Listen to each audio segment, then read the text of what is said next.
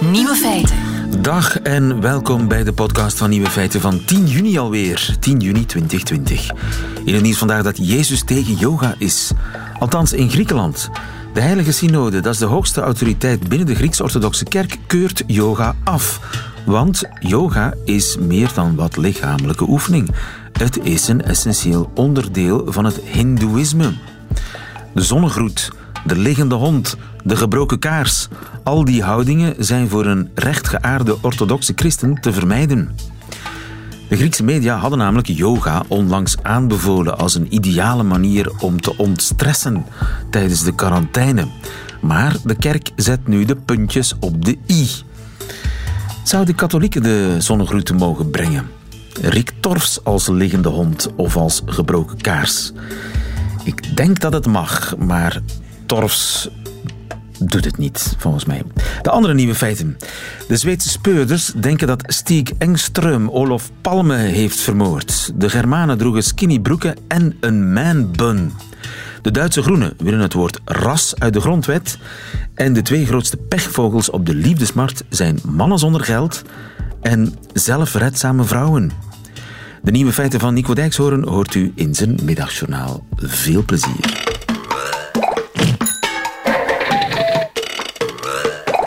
Feiten. In Duitsland willen de Groenen het woord ras uit de grondwet schrappen. Jochem Vrieling, goedemiddag. Goedemiddag.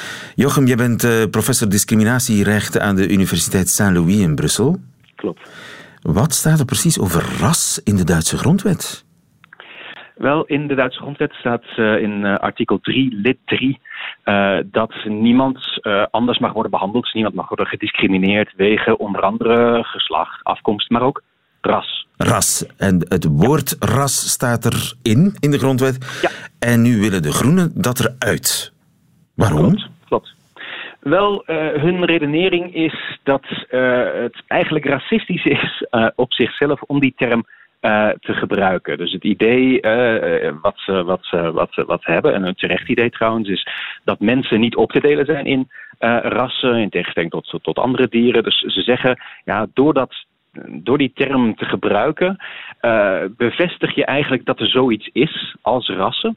Uh, uh, je zegt ras ja, is, is iets werkelijks. en aangezien dat geen biologische uh, geen biologische grondslag heeft, geen genetische grondslag heeft, uh, is dat in zekere zin ja, een soort van reificatie, een soort van verwerkelijking van iets wat niet werkelijk is. Hè? En, en dus is het een soort van ja, ja, in, te in tegenspraak met zichzelf eigenlijk. Eigenlijk ja. is het in tegenspraak met de geest van het gelijkheidsbeginsel om die term te gebruiken. Ze Blijf even hangen, Jochem, want omdat je zegt uh, het is geen biologische realiteit, ga ik er toch even een geneticus bij halen. Dag Gert Matthijs, goedemiddag. Uh, ja, ik ben er. Jij bent geneticus in, in Leuven.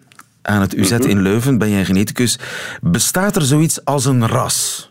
Nee, ik denk dat als we genetisch kijken, dat het wat we noemt het 19e eeuwse concept van ras, dat eigenlijk uh, gebaseerd was op uiterlijke kenmerken, dat dat echt niet wordt ondersteund. Dus als we nu naar uh, vele duizenden um, individuen kijken en we kijken naar een volledige genoom, met zijn 20.000 genen, dan zijn er slechts een kleine fractie van de genen die echt verantwoordelijk zijn voor die uiterlijke kenmerken. Maar is er geen enkele reden om verschillen te onderscheiden tussen groepen van mensen. Ja, dus er zijn veel grotere verschillen tussen mij en een andere blanke of witte mens dan tussen mij ja. en een welbepaalde zwarte mens. Dat klopt, ja. En dat is, ik denk, het gemakkelijkste aan te tonen als je kijkt naar kenmerken zoals lengte of, of body mass index. Of als je kijkt naar uh, gevoeligheid voor ziekten zoals uh, diabetes of dementie. Dan zie je dat er in onze bevolking toch wel veel grotere verschillen zijn dan tussen de bevolkingen. En al die kenmerken hebben ook een genetische basis. Dus wij delen veel meer genetische varianten over heel de wereld, als ik het zo moet zeggen, dan dat we ja, kleine verschillen hebben tussen uh, de verschillende bevolkingsgroepen. Juist, en die uiterlijke kenmerken zijn dus met andere woorden misleidend. Het is verleidelijk op basis van die uiterlijke kenmerken een onderscheid te maken tussen mensen. Een indeling, een klassificatie, zoals zo vaak gebeurd is. Maar puur ja. genetisch is dat eigenlijk onzin. Ja, dat klopt. En ik mag ik een gemakkelijke vergelijking geven. Als je een veld hebt met uh, gele tulpen en daar staat één rode in, dan zien we die rode tulp.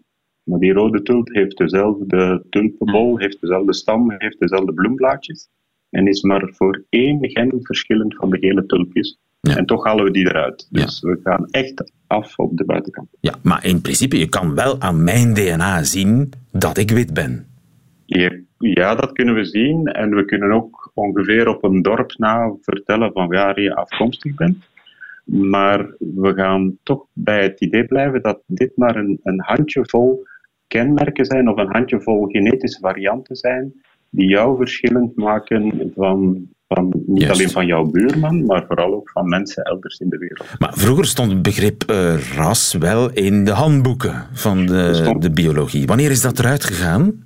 Wel, het is ongeveer ja, twintig jaar geleden dat men er toch uh, van overtuigd is geraakt. En een van de redenen is dat we naar de genetica gekeken hebben van alle bevolkingsgroepen over verschillende continenten. En dat we sterk tot de conclusie komen dat we allemaal die Afrikaanse voorouder hebben. En wat ook interessant is, is dat eh, de populatiegenetici mij zeggen dat ongeveer 10.000 jaar geleden wij in Europa ook allemaal donkere huid hadden. Dus blanke huid is iets heel recent.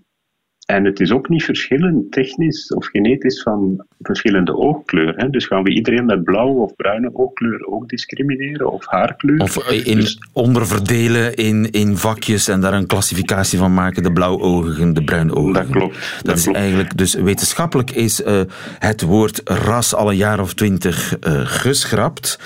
Inderdaad. Het staat nog steeds in de Duitse grondwet. De Groenen vinden dat een probleem. Maar uh, Jochem Vrielink, als je zoiets als racisme, het woord zegt het al, wil aanpakken, zou je toch over ras moeten hebben? Of vergis ik mij? Ja, dat is natuurlijk het, uh, het lastige probleem in, uh, in het recht. Wil je een probleem aanpakken, dan moet je het op een of andere manier uh, benoemen. Dus wat, wat, ja, dan worden dan, omdat die discussie natuurlijk niet nieuw is, zoals mijn collega net zegt, dan minstens ook in het recht een, een discussie van 20, 30 jaar die, die loopt. wat, wat doet men dan? Bijvoorbeeld in de Europese Unie heeft men een, een zogenaamde rasrichtlijn, waar je wordt verplicht als lidstaat om discriminatie op basis van ras te verbieden. en en in die richtlijn heb je zogenaamde consideranten. Dus de richtlijn zelf gebruikt het woord ras wel, maar je hebt consideranten die voorafgaan aan de wettekst. Uh, en in die uh, consideranten daarin zegt men van kijk, uh, het feit dat we die term ras gebruiken.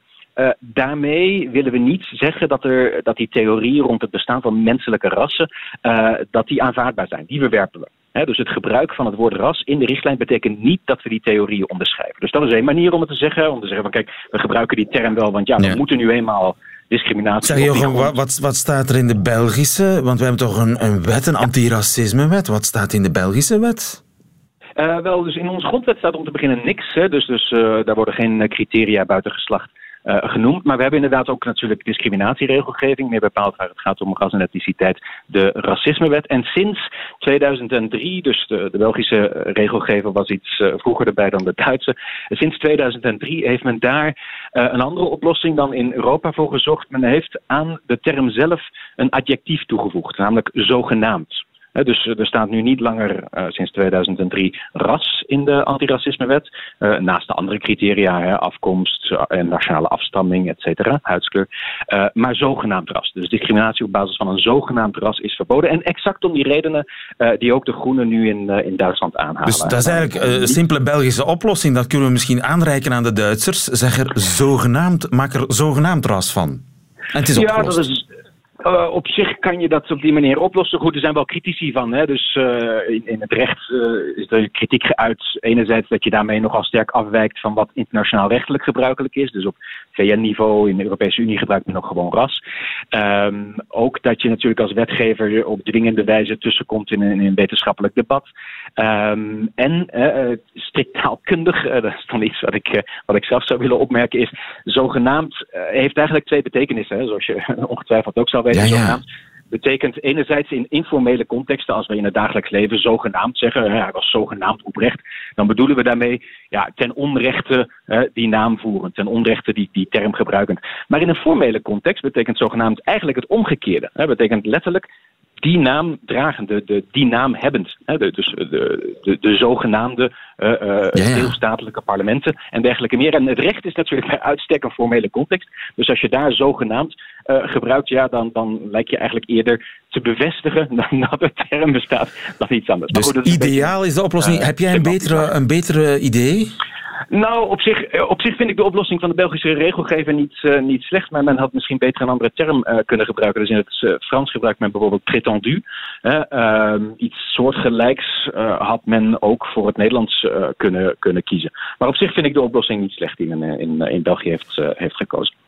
Men zet het eigenlijk als het ware tussen uh, aanhalingstekens. Duidelijk. Ja. Dankjewel Gert. Maar ik ben benieuwd welke oplossing ze gaan kiezen in Duitsland en of ze de groenen tegemoet gaan komen en hoe. Gert Matthijs ook, dankjewel in uh, Leuven. En dankjewel Jochem Vrieling. Goedemiddag. Nou. Nieuwe feiten.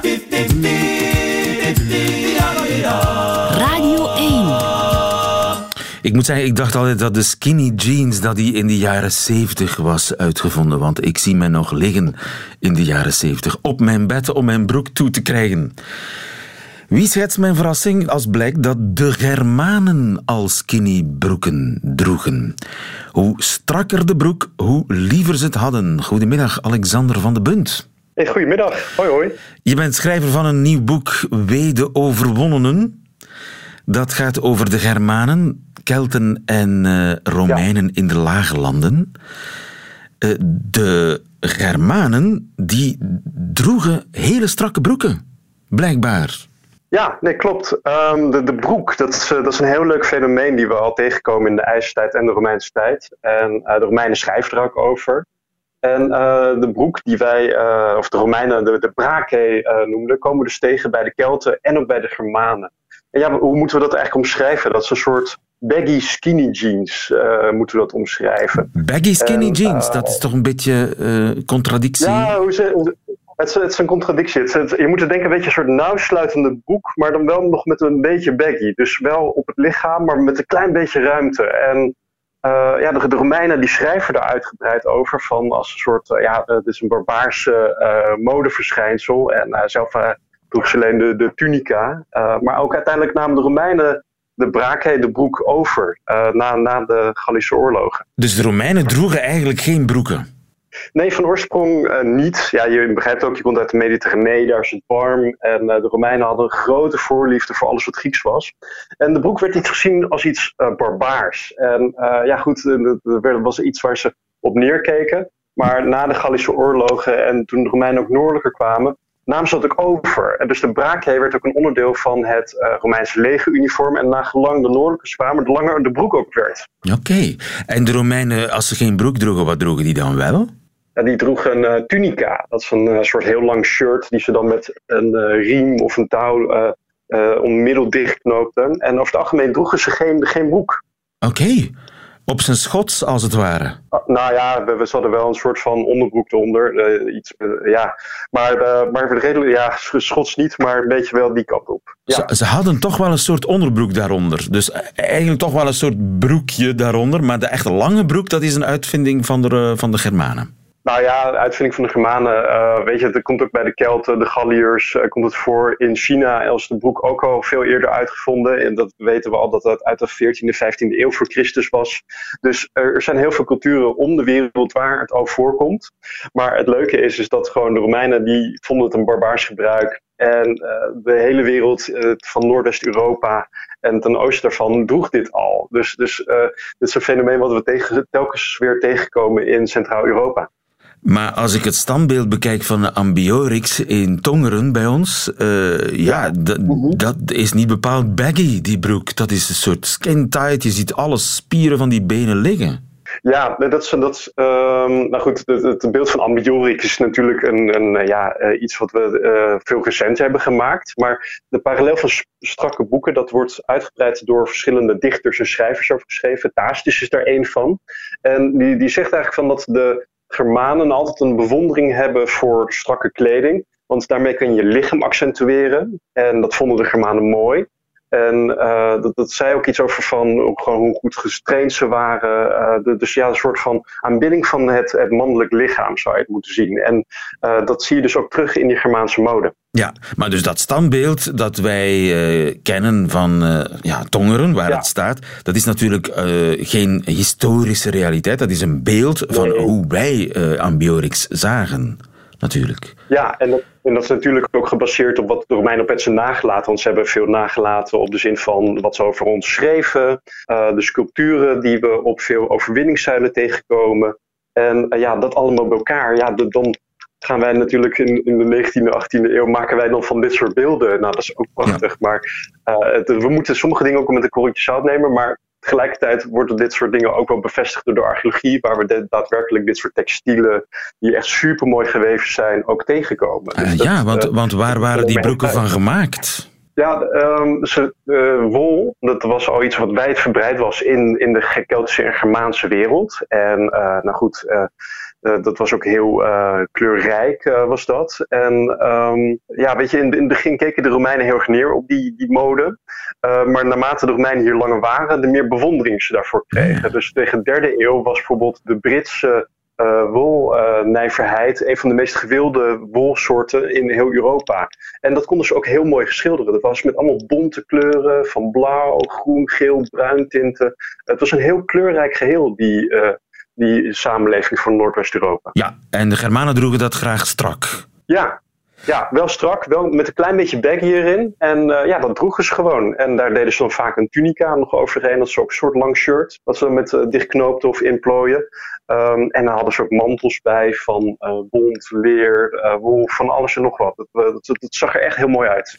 Ja, mooi en hip eigenlijk met de ogen van vandaag. Ja, absoluut. Um, en dus ja, of als we over hip spreken, uh, had je ook bijvoorbeeld de kapsels van de, de Germanen. Uh, bijvoorbeeld, we hebben een stam in Midden-Germanië, dat zijn de Seubi. En die hadden de Seubische knoop. En ja, de als je daar knoop. naar zou kijken, ja, dat is een soort uh, knoop die zij dan aan de zijkant van hun hoofd knoopten. En dat lijkt heel erg op het hipsterknotje, of de man bun, maar man aan de zijkant van het hoofd. Ja. Een zijwaartse man-bun. Dat is ja. misschien nog iets, uh, mocht hij nog haar hebben voor David Beckham, maar het is te laat. Hij heeft geen haar meer. Ja, helaas, maar, helaas. maar de Germanen hadden ja. een manbun zijt, uh, aan de zijkant en skinny, niet echt jeans, want het was een wollen broek die een beetje rekbaar was. Ze hielden van ja. kleding die het lichaam accentueerde en dat hebben zij uh, geïntroduceerd in onze cultuur. En zelfs de Romeinen waren daar op den duur fan van. Ik lees het allemaal in ja. Bede overwonnen, je nieuwe boek. Dankjewel, Alexander van de Bunt. Goedemiddag. Alsjeblieft. London and. Radio Barcelona, señores y caballeros. Achtung, Achtung! Hier ist Berlin, Königs Wusterhausen. Wir senden Tanzmusik. Hij was, wat je kunt zeggen, de Europese Kennedy. Jong, progressief, net iets anders. En hij werd vermoord. 34 jaar heeft het onderzoek geduurd naar de moord op de Zweedse premier Olof Palme. En vanmorgen kwam de openbare aanklager met een ontknoping. Ze hebben een moordenaar aangeduid. Det som vi kommer att presentera här på förmiddagen idag är att vi kommer inte en person som eh, en misstänkt gärningsman. Och den personen är Stig Engström som ju har omnämnts i media som den så kallade Skandiamannen. Och eftersom Stig Engström är avliden så kan jag inte väcka åtal mot honom eller vidta några förhör med honom.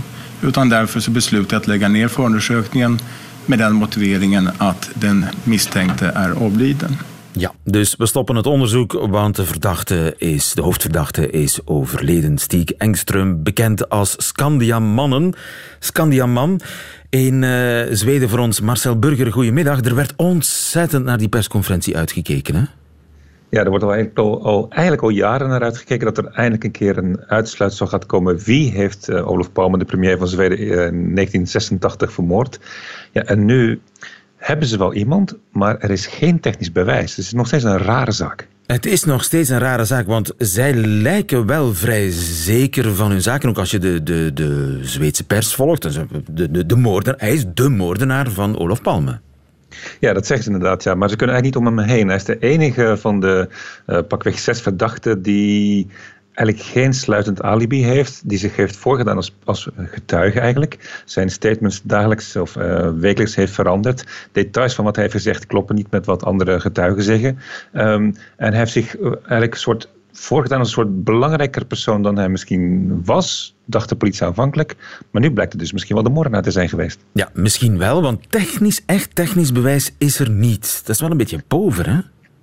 Ja, het is eigenlijk het, grootste falen van het Zweedse politieapparaat. Uh, er is geen moordwapen, nog steeds niet. Er zijn wel twee kogels gevonden, maar de openbare aanklager zei vanmorgen dat hij niet kon uitsluiten dat zelfs die twee kogels uit twee verschillende wapens kwamen. Alleen het kaliber is duidelijk. Um, er is geen echt DNA-profiel uh, vastgelegd, uh, ook niet in, in retrospectief in het verleden. Er zijn geen getuigen die hem hebben zien schieten. Er zijn zelfs getuigen die hem niet hebben gezien op de plek van, van, van de moord. Dat is dus allemaal een beetje mager. Het, is, het, het klinkt een beetje als uh, we hebben iemand gevonden omdat we niemand anders gevonden hebben. Ja, het ergste is nog, uh, de verdachte zelf kan niks meer zeggen, want hij heeft zichzelf uh, van het leven beroofd in 2000, uh, dus hij is dood. Dus er is zelfs geen mogelijke rechtspraak hierover mogelijk. Dus het is, een, het is een rare zaak. Maar aan de andere kant, alle andere getuigen die er waren, die hadden of een alibi of bleek uiteindelijk niet te zijn. En dit is de enige persoon waarvan... Die nog overschiet. Die ja. nog overschiet eigenlijk, ja. En wie was hij eigenlijk? Scandia-man? Hij werkte bij Scandia. Ja, Scania is een pensioenfonds. Hij was een eh, grafisch uh, ontwerper. Um, hij werkte s'avonds uh, op 28 februari laat door, want hij wilde de dag later met zijn vrouw op, op reis gaan. En hij had wat haast. Hij ging 20 over 11 ging hij weg uit zijn kantoor. Hij wilde de metro nemen om 20 voor 12. Olaf Palm is rond half 12 vermoord, dus hij had een half uur de tijd. Hoe hij precies heeft gelopen is niet duidelijk. Hij uh, was ook alcoholist en had economische problemen. Dus hij was niet helemaal stabiel, zou je kunnen zeggen, geestelijk gezien. Um, hij haatte Olaf Palme ook. Olaf Palme was vrij uitgesproken tegen, tegen het Zuid-Afrikaanse apartheidsbeleid. Tegen Amerika, die overal in de wereld uh, militairen inzette. Uh, en eigenlijk, hij was de held van links hè, toen. Hij was de held van links, eigenlijk van een van de weinige eh, leiders in Europa die durfde iets te zeggen tegen Amerika en iets meer positief was over Rusland. En dat vond niet iedereen fijn. En eh, de vraag is natuurlijk, is dat genoeg om iemand om te brengen? Ja, hij zegt zelf, in een verhoor heeft hij zelf aangegeven dat hij het Palme-koppel, want uh, Olaf Palme en zijn vrouw waren samen naar de bioscoop met hun zoon en daar weer een vriendin van, dat hij ze niet heeft gezien pas toen hij de schoten hoorde. Hij zegt ook dat hij met Lisbeth Palme, de vrouw van Olaf Palme, heeft gepraat met een politieagent. Dat is allemaal niet gebeurd, want niemand heeft, die, uh, heeft dat uh, gezien of gehoord daar. Um, het is een beetje een raar verhaal hoe hij in een half uur tijd misschien zelfs gewoon alleen een, in een opwelling heeft gedacht: hé, hey, daar loopt Olaf Palme, ik heb een pistool bij me, ik ga hem beschieten. Het gekke is alleen, wie neemt er een pistool mee naar kantoor? Ja. En nu is het afgelopen. Het is afgelopen voor de speciale uh, onderzoeksgroep binnen de politie. Het is afgelopen voor de openbare aanklager. Hij kan uh, ook volgens de Zweedse wet geen uh, geen rechtszaak openen tegen iemand die overleden is. Uh, maar er zijn al, nu zie ik het al op, op de sociale media, er zijn al tal van andere, uh, zelfs experts, dus mensen die in, in de rechtszaak zijn, zeer zijn goed ingevoerd, die zeggen nu al van ja, er is geen technisch bewijs, er is eigenlijk te weinig bewijs om deze man te veroordelen. Wij geloven eigenlijk nog niet eens dat dit misschien wel de uiteindelijke dader is. Dus het is nog niet gedaan? Het is gedaan voor de, voor de Zweedse staat. Het is nog niet gedaan voor de mensen die geloven in een andere dader. Ja, maar is het definitief gedaan voor de Zweedse staat? Hebben ze echt gezegd van we stoppen er echt mee, het interesseert ons niet meer? Voor ons is het duidelijk, Stiek uh, Engström is de man die het gedaan heeft? Ja, het onderzoek is neergelegd, of wordt neergelegd nu. Uh, de, voor de Zweedse staat heeft het afgedaan. Het enige wat het nog zou kunnen heropenen is als er echt sluitend bewijs gaat komen tegen een andere verdachte. Maar 34 jaar na de moord, eh, zonder technisch bewijs, met moeilijk te traceren DNA-profielen, die kans is heel, heel klein. Ja, en of de moord op uh, Olaf Palme nu echt is opgelost en de hele zaak kan rusten, dat blijft een open vraag. Dankjewel in uh, Zweden voor ons, Marcel Burger. Goedemiddag. Radio 1. Radio. Radio 1. Nieuwe feiten.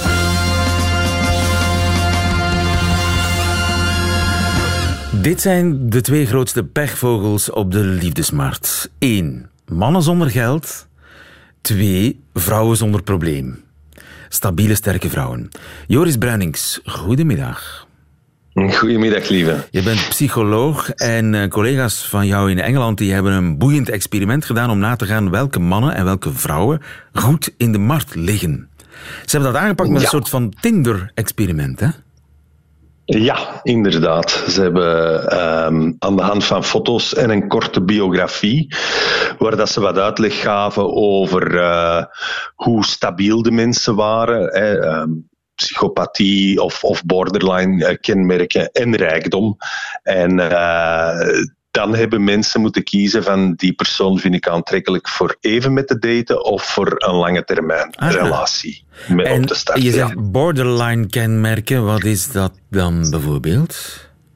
Ja, borderline, dat is, eh, dat, dat is een hip woord, maar toch wel erg veel eh, zeggend tegenwoordig, vind ik.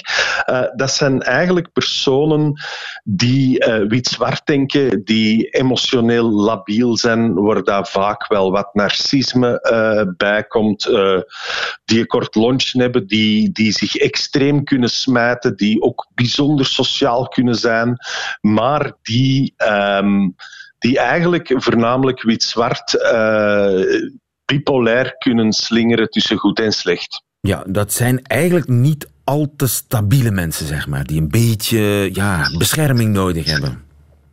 Ja, ehm, nu, dat komt ook allemaal in verschillende maten voor. Dus we kunnen, we kunnen niet zeggen, ah, jij borderline. Dat is, is in, in ernstige mate of borderline trekken.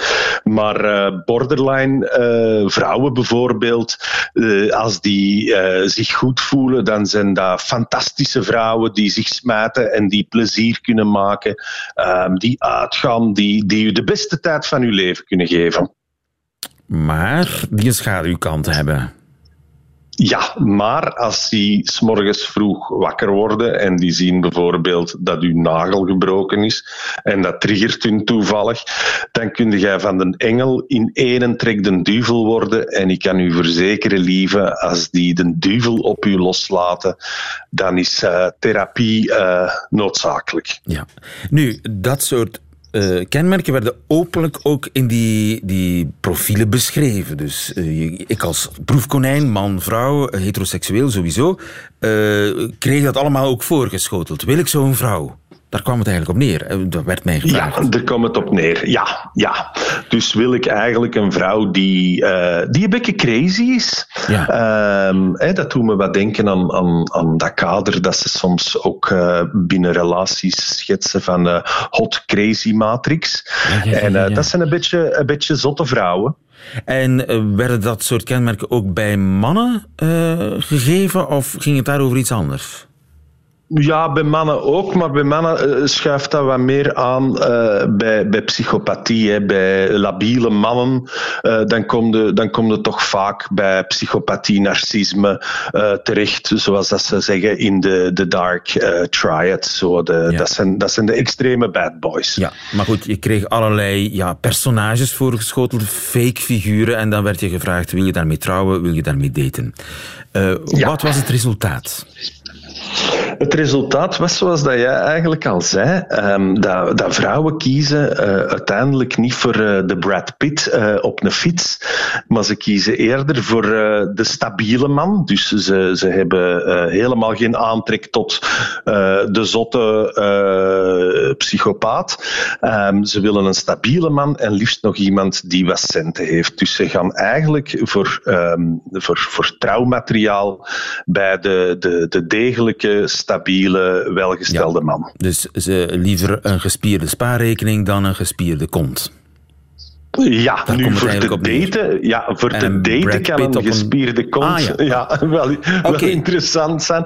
Maar dus op lange termijn is, zijn die centen toch wel belangrijk. Er is een verschil tussen fun en levenspartner. Dus een Brad Pitt op een tweedehandse fiets, daar kun je mee daten, Ja. daar ga je niet mee trouwen. Ja. Nee, dan, nee, absoluut. Dat is eigenlijk een kanjer van een cliché, hè, Joris? Maar het klopt wel. dat is in het, ja, spijtig genoeg. We denken allemaal dat vrouwen op de bad boy vallen. Ik denk dat sommige vrouwen op de bad boy vallen om die dan wat op het goede pad te krijgen. Maar cliché, cliché. eh, vrouwen kiezen voor de stabiele eh, partner die, die voor het nageslacht zal zorgen. Hè? Ja, die hen gaat beschermen, hè? De beschermer. Ja. Ja, absoluut. En mannen, die, waar, voor welke vrouw kiezen zij? Eh, wel, voor te daten is dat zeer expliciet. Eh, dan willen die eigenlijk een bijzonder mooie vrouw, eh, die een beetje zot is. Eh, dus dus een, zoals dat ze eh, in het dialect zeggen, een zotte doos, maar dan wel een hele mooie. Dus een lelijke zotte doos, daar gaan ze van lopen. Maar een, een, een mooie crazy vrouw, dus hot en crazy, dat vinden mannen bijzonder aantrekkelijk, zeker voor te daten. Ja, ja, zo'n vrouw met borderline trekjes. Dat vinden ze geweldig. Ja. Ja, de- ik, ik weet uit, uit eh, eh, eerste bron, zal ik maar zeggen, ik ga hier niet persoonlijk worden, maar als je date met een borderline vrouw, eh, om het zo cliché te zeggen, dan ga je de meest zwoele nacht uit heel je leven tegemoet. En waarom is dat? Die voelen u. Pas op, want dat zijn, dat, zijn, dat zijn vrouwen waar dat ook heel veel kracht in zit, hè, lieve. Ik bedoel, we mogen het niet allemaal zomaar weggooien. Dat zijn heel. Die, die, die voelen u perfect aan en, en die geven u bijvoorbeeld de beste erotische ervaring. Ja, waar dat dromen zelfs niet aan kunnen typen. Eh, maar hoe kan borderline je een erotische ervaring bieden? Dat snap ik niet zo goed. Hoe kan je... Nee, die, dat zijn vrouwen die zich ook gigantisch open kunnen stellen, die niet volgens de norm en de regeltjes kleuren. Dus die, die, ehm, ja, die experimenteren graag, die smijten zich 120 procent. Die, die, eh, die zijn zeer gevoelig, die voelen u goed aan, dus Ja. die, die brengen u naar de next level op dat moment. Ja, en, en, en een hele knappe, maar een hele verantwoorde, stevige, eh, stabiele, ja, weet ik veel, eh, advocaten, zeg maar. Ja. D- dat, dat, daar ga je niet mee daten. Nee, omdat dat, ja, dat, is, dat is nu wel een, stuk een interpretatie natuurlijk. Maar dat kan wat, vrouwen met macht, met eh, geld, met een eigen sterke opinie en leven. Dat is misschien wat bedreigend voor de man. Ja. En zo'n vrouw met, met allerlei borderline trekjes, die dan, de, de schaduwkant daarvan, zijn de mannen daar dan niet bang van? Of trek, stoot dat niet af? Absoluut. Ik heb, ik heb destijds heel wat eh, in, in, in een soort eh dating scene gewerkt. En eh, ik ben daar in interviews heel wat mannen tegengekomen die effectief, en ik overdrijf niet, een jaar in begeleiding zijn moeten gaan nadat hun pad gekruist was met een mooie borderline vrouw. Ja, ze hebben hun, hun tanden erop gebroken, zeg maar. Ze dachten, ik kan dat wel aan. Ik kan die vrouw Ja. beschermen en die stabiele omgeving geven waar zij zo naar snakt. Ja. Dus het was toch is- aantrekkelijk. is het was toch aantrekkelijk om het te doen. Ja, die zeggen allemaal dat ze in het begin de time of their life hadden, maar dat het eh, bij momenten dan ineens kantelt, hè, dat die zwarte kant naar boven komt en dat er, dat er ellenlange discussies en ruzies en, en slaande deuren en jatten en taloren, gelijk dat ze de Spaanse furie noemen, maar, maar dat dat niet meer te controleren was. Ja. Maar eigenlijk zoeken ze alle. Is het een, eh, een zoeken naar bescherming en eh, zoeken naar en beschermer willen zijn? Dat is eigenlijk wat de twee bindt. Die, die twee trekken van zowel mannen als vrouwen. Mannen vinden een eh, rijkere man aantrekkelijk en mannen vinden een vrouw waar wat kosten aan zijn aantrekkelijk. Ja, ja, ja, absoluut. Maar dat maakt het ook spannend allemaal een beetje, lieve. Zo de, de, de, de, de typische eh, neurotische vrouw die alles georganiseerd heeft en die, die de vakanties al twee jaar op voorhand gepland heeft. Daar is nu eenmaal net wat minder rock en roll aan. Hè? Ja. Dus de clichés kloppen. Eh, de wetenschap bevestigt het cliché in deze. Dankjewel, Joris Bruinings. Graag gedaan, lieve. En eh, dat betekent dat wij eigenlijk volledig klaar zijn voor eh, ja, of hij een beschermer is, dan wel bescherming nodig heeft. Daar laat ik mij niet over uit. Dat laat ik aan hemzelf over om dat ooit eens te vertellen. Nico Dijkshoorn. Nieuwe feiten. Middagjournaal. Beste luisteraars, in Nederland, en ik verzin dit niet, proberen ze een speciale coronawet langs de Tweede Kamer te manoeuvreren. In die wet staat de volgende zin. De burgemeester krijgt een nieuwe bevoegdheid om de woning binnen te gaan met als doel andere personen dan de bewoners te verwijderen. Eerst was ik heel verontwaardigd, maar al snel werd ik steeds enthousiaster. Eindelijk een dwangmiddel tegen onverwachte visite of vrienden die vier keer per week je ijskast leeg komen vreten. Ik voel daar wel wat voor. Nu gebeurt het regelmatig dat ik midden in aflevering 6 van een zevendelige Netflix-serie zit en dat er wordt aangebeld. Een buurman die zijn pakketje op komt halen.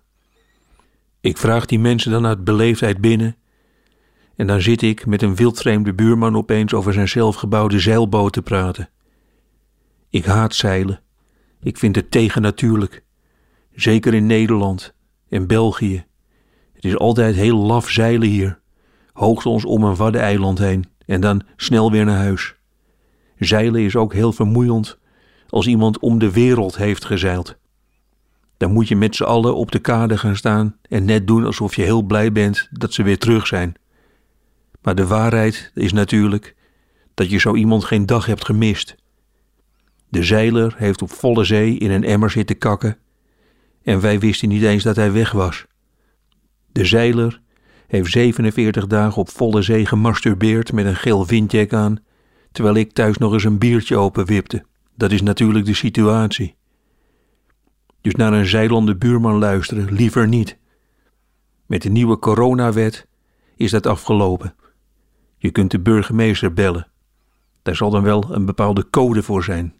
Je belt de burgemeester en je zegt alleen maar: De meeuwen eten rijst uit een tennisbal. Ik herhaal: De meeuwen eten rijst uit een tennisbal. En een kwartier later staat de burgemeester naast je en vraagt aan de zeiler: Bent u getrouwd met de heer Dijksoren? Nee? Opgedonderd dan uit dit huis. Ik verheug mij ook heel erg op de controle of ik wel samen in een kamer zit met iemand waar ik seks mee mag hebben. Dat worden heerlijke ongemakkelijke situaties. Een buurvrouw vlak naast mij die een pakketje op komt halen en op twee uur over haar kleinkinderen zit te praten. Eén telefoontje naar de burgemeester en dan de genadeloze controle van mijn buurvrouw. Op welke dij heeft meneer Dijksoren dan een moedervlek in de vorm van een aubergine? Nee, dat klopt niet. Dat is niet links, fout, verwijder deze vrouw uit het huis. Het wordt nu zoveel gezelliger met die coronawet. Na ieder ingrijpen van de burgemeester, daarna fijn samen die serie uitkijken. En dan heel erg ons best doen om geen seks met elkaar te hebben. Nooit meer het gerammel van een amsketting tegen de rand van het bed.